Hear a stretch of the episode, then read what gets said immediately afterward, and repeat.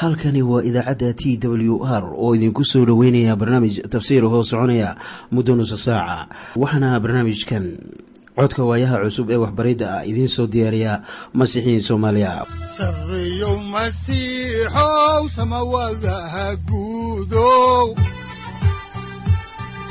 Siraadkii adduunkow subanaha eebow sareyow masiixow samawadaha guudow siraadkii adduunkow subanaha eebow adigoo samada jiro ifkaan soo saldhiganba adigoo samada jiro ifkaan soo saldhiganba kutubtiisanaye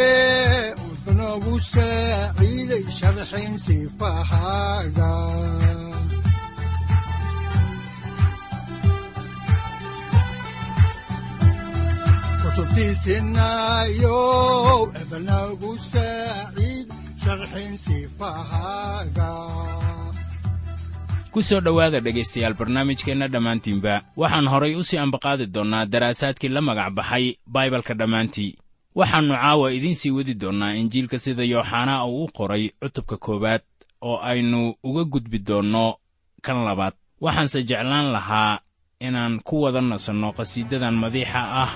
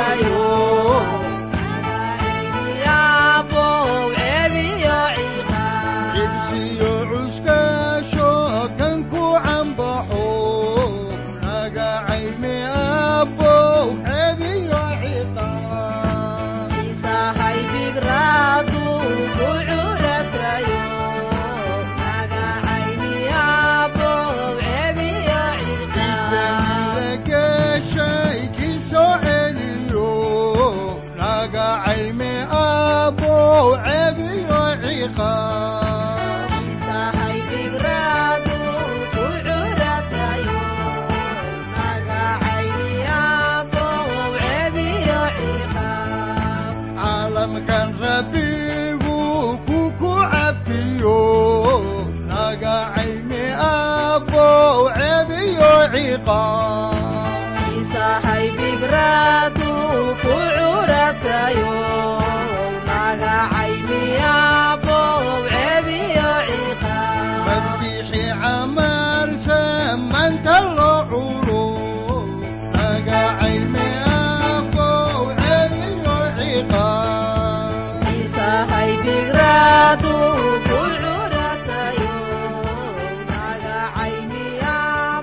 markii noogu dambaysay waxaynu ku jirnay yooxanaa baabtiisaha oo loo soo diray guddi farrisiin ah. Waxay weyddiiyeen yaa tahay isaguna wuxuu ku yidhi waxaan ahay codka kan cidlada kaga qaylinaya jidka rabbiga toosiya siduu nebi isaayos ku yidhi waxaa kaloo ay ku yidhaahdeen haddaba haddii aadan nebigii la sii sheegay ahayn maxaa dadka u baabtiistaa isaguna wuxuu ku yidhi anigu waxaan dadka ku baabtiisaa biyo laakiin dhexdiinna waxaa jooga. Mid aydnaan garanaynin. Waxaa markaasi yooxanaa uu leeyahay waxaa jira mid iga daba imaanaya oo dadka ku baabtiisa dab iyo ruuxa quduuska ah. Haddaba dabku waxa weeye xukun maquuris ah oo dunida imaanaya. Maquuriska ruuxa quduuska ahi wuxuu dhacay maalintii bentekost waxaad la yaabi karaysaan in masiixu uu ku jiray horumadii dadka ahayd ee ruuxa quduuska ahi uu ku soo degay. Innaguse garan mayno lagase yaabo inuu ku dhex jiray. Yooxanaa baabtiisaha wuxuu leeyahay kan iga daba imaanaya oo aan istaahilin inaan yeelmaha kabtiisa furo. Haddaba qaaduunku waa inuu sameeyo shaqo waliba ee sayidkiisu doonayo. Haddaba xerta waa inay yeelaan howl waliba si ay yeelmaha kabihiisa ugu furaan. Haddaba yooxanaa wuxuu leeyahay anigu waxaan ahay adeege. Weliba wuxuu leeyahay ma ahi mid ka mid ah kuwa la socda ama xertiisa isagu waxa weeye oo keliya adeege wuxuuna leeyahay isagu ma istaahilo xitaa inuu ninkaas u noqdo adeege inkastoo uu isagu yahay adeege haddaan horay idinku sii wadno kitaabka ayaan eegaynaa injiilka sida yooxanaa uu u qoray cutubka koowaad aayadda siddeed iyo labaatanaad waxaana qoran sida tan waxyaalahaasu waxay ku dhaceen beytaniya taas oo ku taal webi urdun shishadiisa oo ahayd meeshii yooxanaa dadka uu ku baabtiisay waxaan horudhaca kitaabka idinku sheegay in yooxanaa uu ina dareensiinayo had iyo goorba halka qisooyinku ay ka dhaceen iyo wakhtiga. Waxaa halkan uu inoogu sheegayaa qariidad ahaan halkii qisadu ay ka dhacday waxaana ay aayadda soo socotaa ku bilaabanaysaa maalintii labaad. Yooxanaa wuxuu ina tusayaa kan ka yimid wakhti daa'iman ah ee jidhka noqday haatanna jooga dunida oo soo galay taariikhdeenna. Haddaan horay idinku sii ambaqaadno injiilka sida yooxanaa uu u qoray cutubka koowaad aayadda sagaal iyo labaatanaad ayaa leh maalintii labaad. Yooxanaa wuxuu arkay ciise oo ku soo socda oo wuxuu yidhi bal eega wanka ilaah ee dembiga dunida qaadaya. Yooxanaa wuxuu tilmaamayaa ciise oo wuxuu leeyahay ciise waa badbaadiyaha laakiin buu yidhi ma ahan oo keliya masiixa laakiin waxa weeye badbaadiyaha. Isagu waxa weeye badbaadiyaha weyn waayo isagu waxa weeye baraarkii ilaah. Haddaba dadka soomaalida ah weedhaas way la yaabayaan. Laakiin haddii aad soo dhegaysanayseen barnaamijyadeennii hore waxaan filayaa inaad garanaysaan waxa loo leeyahay baraarkii ilaah. Baryihii hore waxay ahayd in dembiyada dhiig loo daadiyo oo neef xoolo ah la bixiyo sida wan ama qaalin amase xamaam. Waxaana loogu yeedhaa qurbaan dembi. Iminka yooxanaa wuxuu leeyahay bal eega wankii ilaah oo qaadaya dembiyada dadka. Isagu waa badbaadiye dhan waayo wuxuu qaaday dembiyadeenna. Marka ay sidan tahay wuxuu karaa inuu qaado dembiyada nin waliba. Waxaan kaloo halkan ku arkaynaa kaamilista jawaabtii ibraahim uu siiyey wiilkiisii isxaaq sannado badan ka hor isxaaq baa aabbihii ibraahim weyddiiyey oo wuxuu yidhi aabbe bal eeg qoryihii dabka qurbaanka waa kuwan laakiin aaway qurbaankii. Markaasaa ibraahim wuxuu ku yidhi wiilkiisii wiilkaygiyow ilaah qudhiisaa keeni doona wankii allabariga la gubo loo bixin lahaa. Yooxanaa baabtiisaha ayaa iminka leh bal eega wankii ilaah ee dembiga dunida qaadaya waxaa kaloo tanu ay xaqiijinaysaa in qaabiil qurbaankiisii la diiday. Aannu hagaagsanayn kii haabiilna la aqbalay oo uu ahaa kan la doonayo ama quman. Haabiil wuxuu bixiyey baraar oo baraarkii la bixiyey oo dhan ee lagu gowracay meesha allabariga ee reer banu israa'iil ilaa iyo wakhtiyo fara badan ayaa haatan lagu kaamilayaa baraarkan qaadaya dembiyada dunida.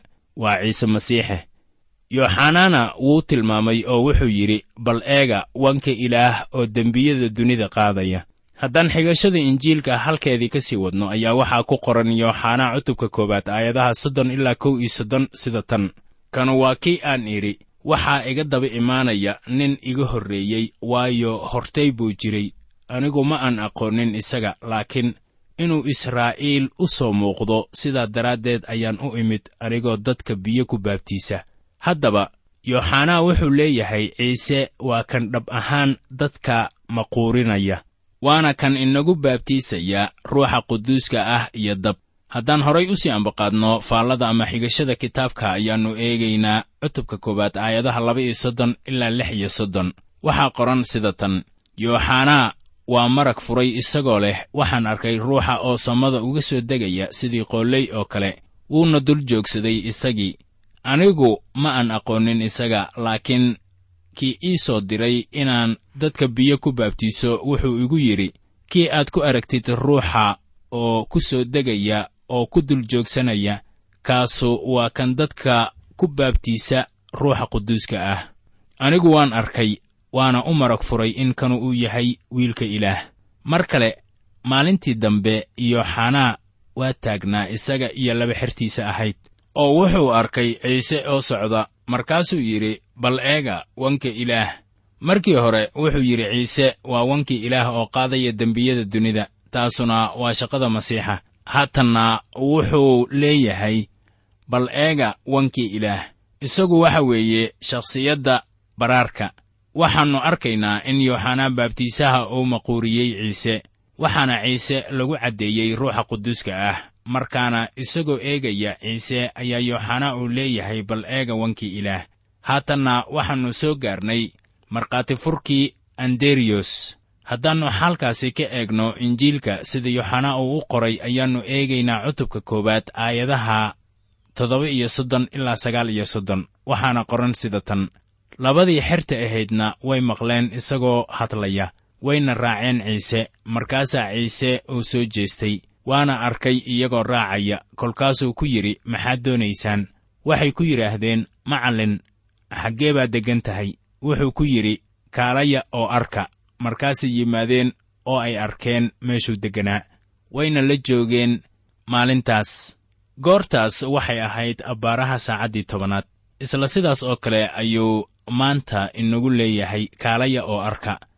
Waxaa ku qoran zabuurka soddon iyo afaraad aayadda siddeedaad sida tan. Bal dhadhamiya oo arka in rabbigu uu wanaagsan yahay. Waxaa barakadaysan ninkii isaga isku halleeya. Waxaa haddaba ogaataa sidii yooxanaa had iyo goorba uu u taabanayo wakhtiga oo wuxuu leeyahay waxay ahayd goor dambe oo fiidkii ah. Mid ka mid ah kuwii yooxanaa baabtiisaha la socday ayaa waxa uu ahaa andros. Wixii ugu horreeyey ee uu sameeyeyna waxay ahayd inuu walaalkiis raadiyo. Waa butrose haddaan xaalkaasi ka eegno injiilka sida yooxanaa uu u qoray cutubka koowaad aayadaha afartan ilaa laba iyo afartan waxaa qoran sida tan. Mid ka mid ah labadii maqashay yooxanaa oo raacday wuxuu ahaa andros simon butros walaalkiis. Isagu wuxuu hortii doonay walaalkii simon oo uu ku yidhi waannu helnay masiixa kan lagu fasiro kristoska markaasuu wuxuu u geeyey ciise ciisena intuu eegay ayuu wuxuu ku yidhi adigu waxaad tahay simon inayonis waxaa lagu odhan doonaa kayfas oo fasirkiisu yahay butros haddaba ninkan la yidhaahdo simon wuxuu ahaa nin jilicsan. Sayidkeennu wuxuu u sheegay inuu u adkaan doono sida dhagax oo kale. Ha yeeshee wuxuu noqday simon butros nin ad adag. Markaan eegno qisada ku qoran falimaha rasuullada cutubka labaad aayadaha afartan ilaa kow iyo afartan haddaan horay idinku sii wadno ayaa haatanna aan eegaynaa marag furkii filibos sida ku qoran aayadaha saddex iyo afartan ilaa afar iyo afartan. Waxaa qoran sida tan maalintii labaad wuxuu doonayey inuu galilii tago oo wuxuu helay filibos ciisena wuxuu ku yidhi isoo raac filibos wuxuu ahaa reer betsayda taas oo ah magaalada dadkii andros iyo butros mar kale ayaa halkan waxaa laynoogu sheegayaa wax ku saabsan khariidada betsayda waxay ka korraysaa badda galilii waxaan garanaynaa in butros iyo andros iyo filibos ay halkaasi ku noolaayeen oo waxay ahaayeen kalluumaysato. Haddaan horay idinku sii wadno xigashada oo aan eegno cutubka koowaad aayadaha shan iyo afartan ilaa lix iyo afartan waxaa qoran sida tan. Markaasaa filibos wuxuu doonay natani'el oo uu ku yidhi waannu helnay kii muuse sharciga ku qoray wax isaga ku saabsan oo nebiyadiina ay qoreen wax isaga ku saabsan waana ciisihii reer naasareed oo ah ina yuusuf. Natani'el wuxuu ku yidhi ma wax wanaagsan baa ka iman kara naasaret markaasaa filibos wuxuu ku yidhi kaalay oo arag haatanna aynu eegno natani'el oo u markhaati furaya ciise masiix. Natani'el wuxuu ahaa nin doodaa ah wuxuuna inta ka helay mid kale. Wuxuu yidhi ma wax wanaagsan baa ka iman kara naasaret waxaanan hubaa inuu taasi qosol raaciyey laakiin filibos ma uusan qoslin. Wuxuuse yidhi kaalay oo arag taasuna waa tan keliya ee ahmiyadda leh. Waxaana weeye inaan marka hore aragno masiixa. Haddaan horay idinku sii ambaqaadno faalladan ayaannu eegaynaa injiilka sida yooxanaa uu u qoray cutubka koowaad aayadda afartan iyo toddobaad.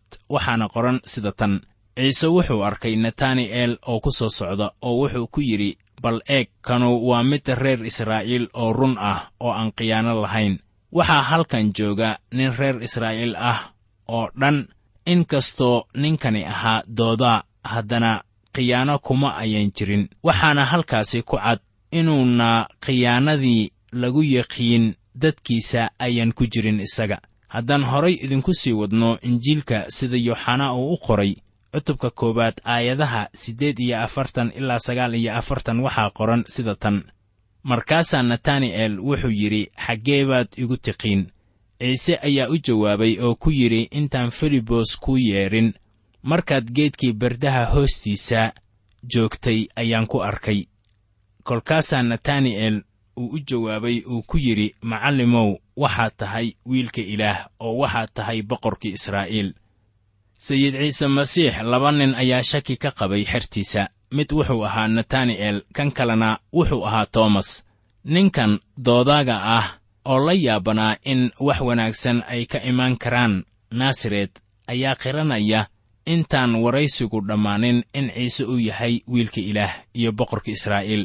Haddaba markii natani'el uu qirtay in sayid ciise uu yahay wiilka ilaah iyo boqorka israa'iil ayaa waxaa muuqanaya in wax wanaagsan oo muhiim ah ay ka yimaadaan naasaret haddaan horay u sii ambaqaadno injiilka oo aan eegno aayadda kontonaad ayaa waxaa qoran sida tan.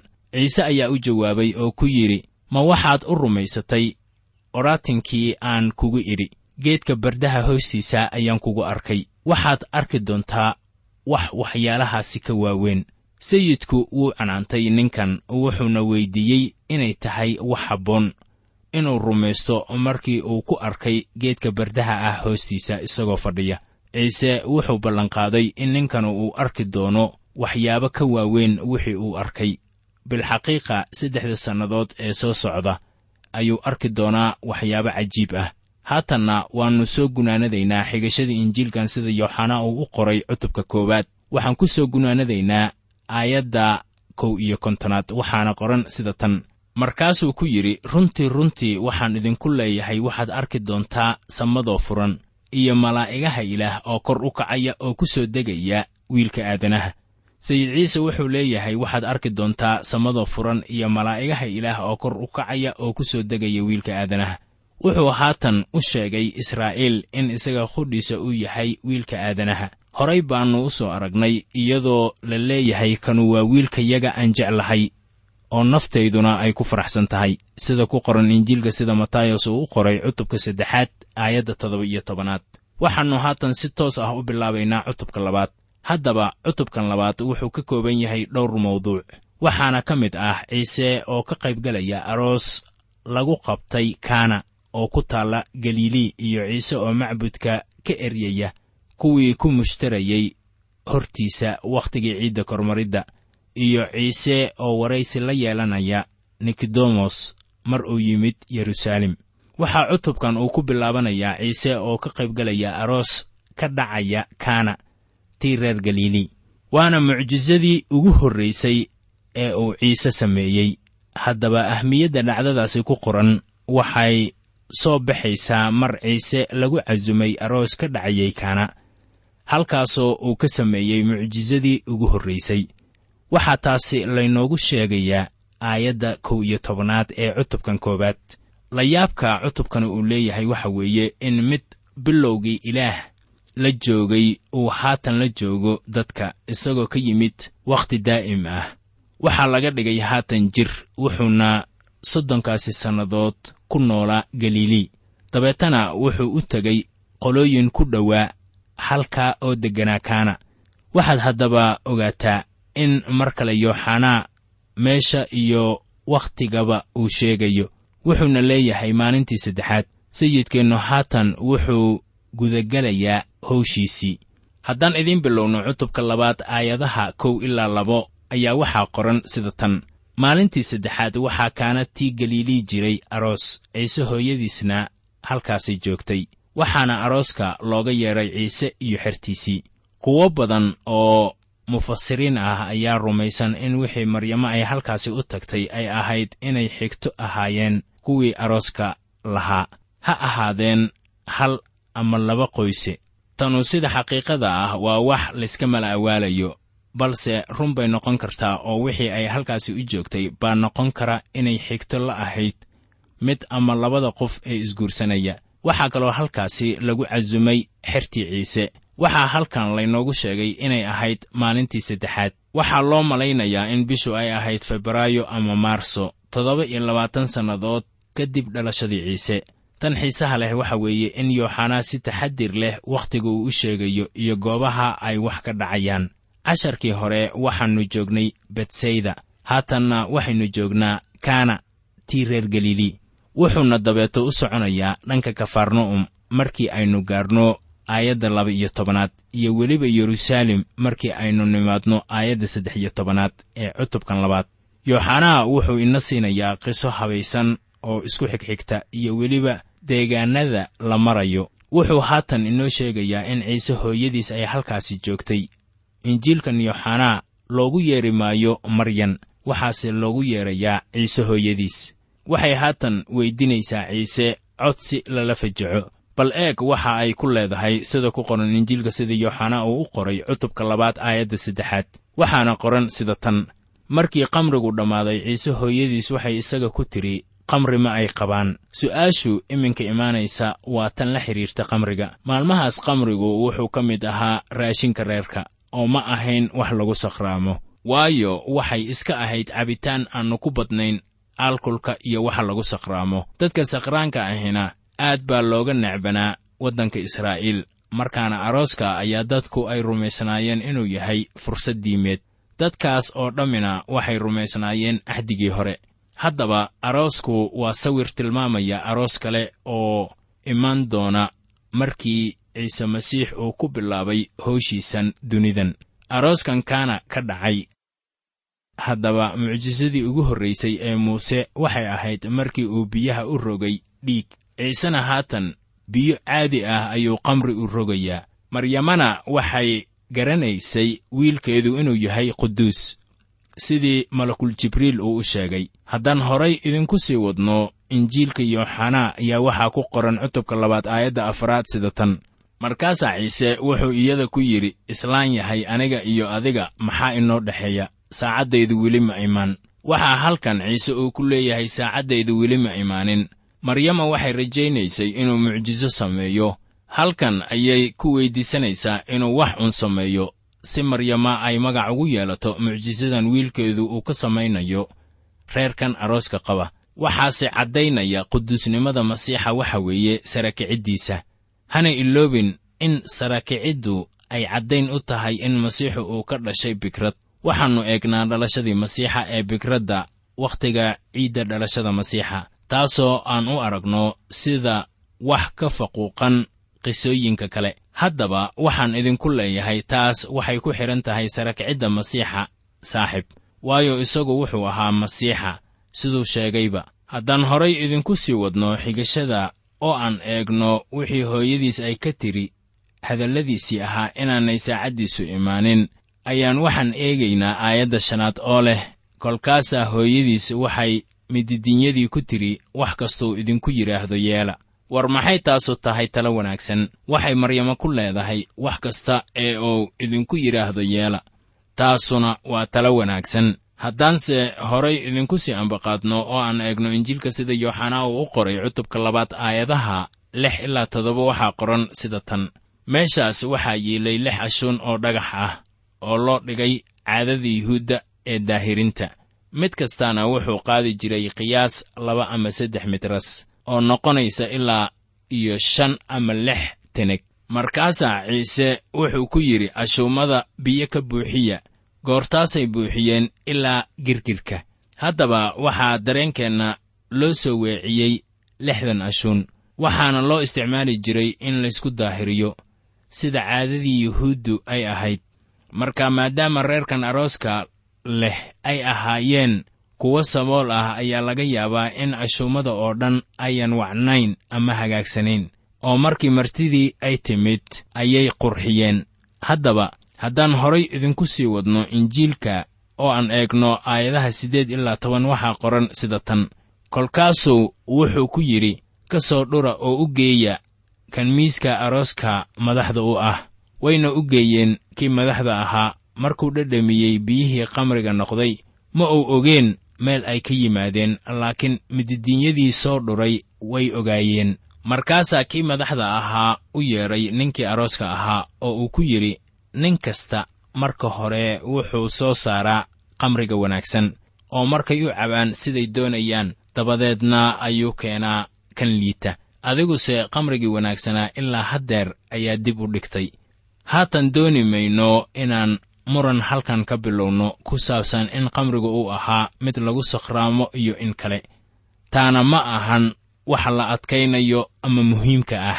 Muhiimaddu waxa weeye in ciise uu sameeyey mucjiso oo biyo caadi ah uu u beddelay kamri si looga farxiyo qoladii arooska.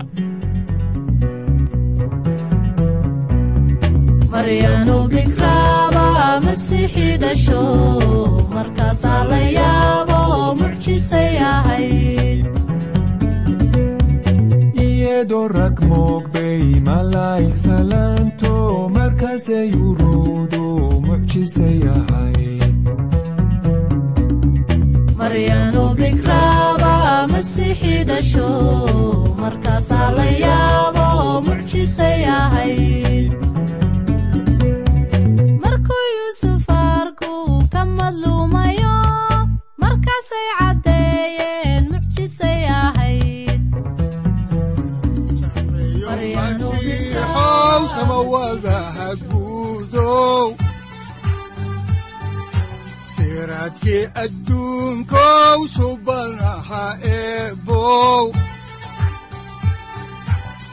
adigoo samada jiro ifkan soo saldhiganba adigoo samada jiro ifkan soo saldhiganba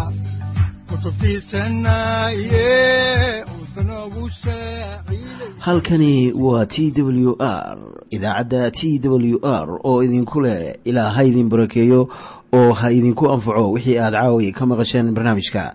Waxaa barnaamijkan oo kalea aad ka maqli doontaan habeen dambe hadahan oo kale haddiise aad doonaysaan in aad fikirkiina ka dhiibataan wixii aad caawi maqasheen ayaad nagala soo xiriiri kartaan som t w r at t w r c o k e haddii aad doonaysaan in aad dejiisataan oo kaydsataan barnaamijka ama aad mar kale dhegaysataan fadlan mar kale booqo www t w r o r g.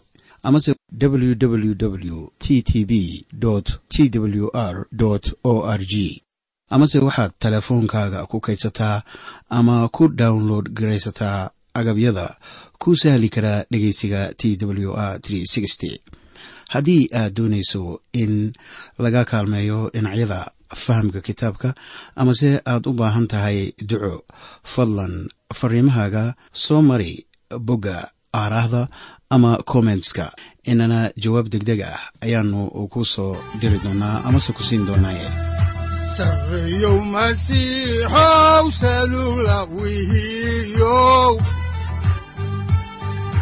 saacadda timid dhulka sabada ku dhalatiyo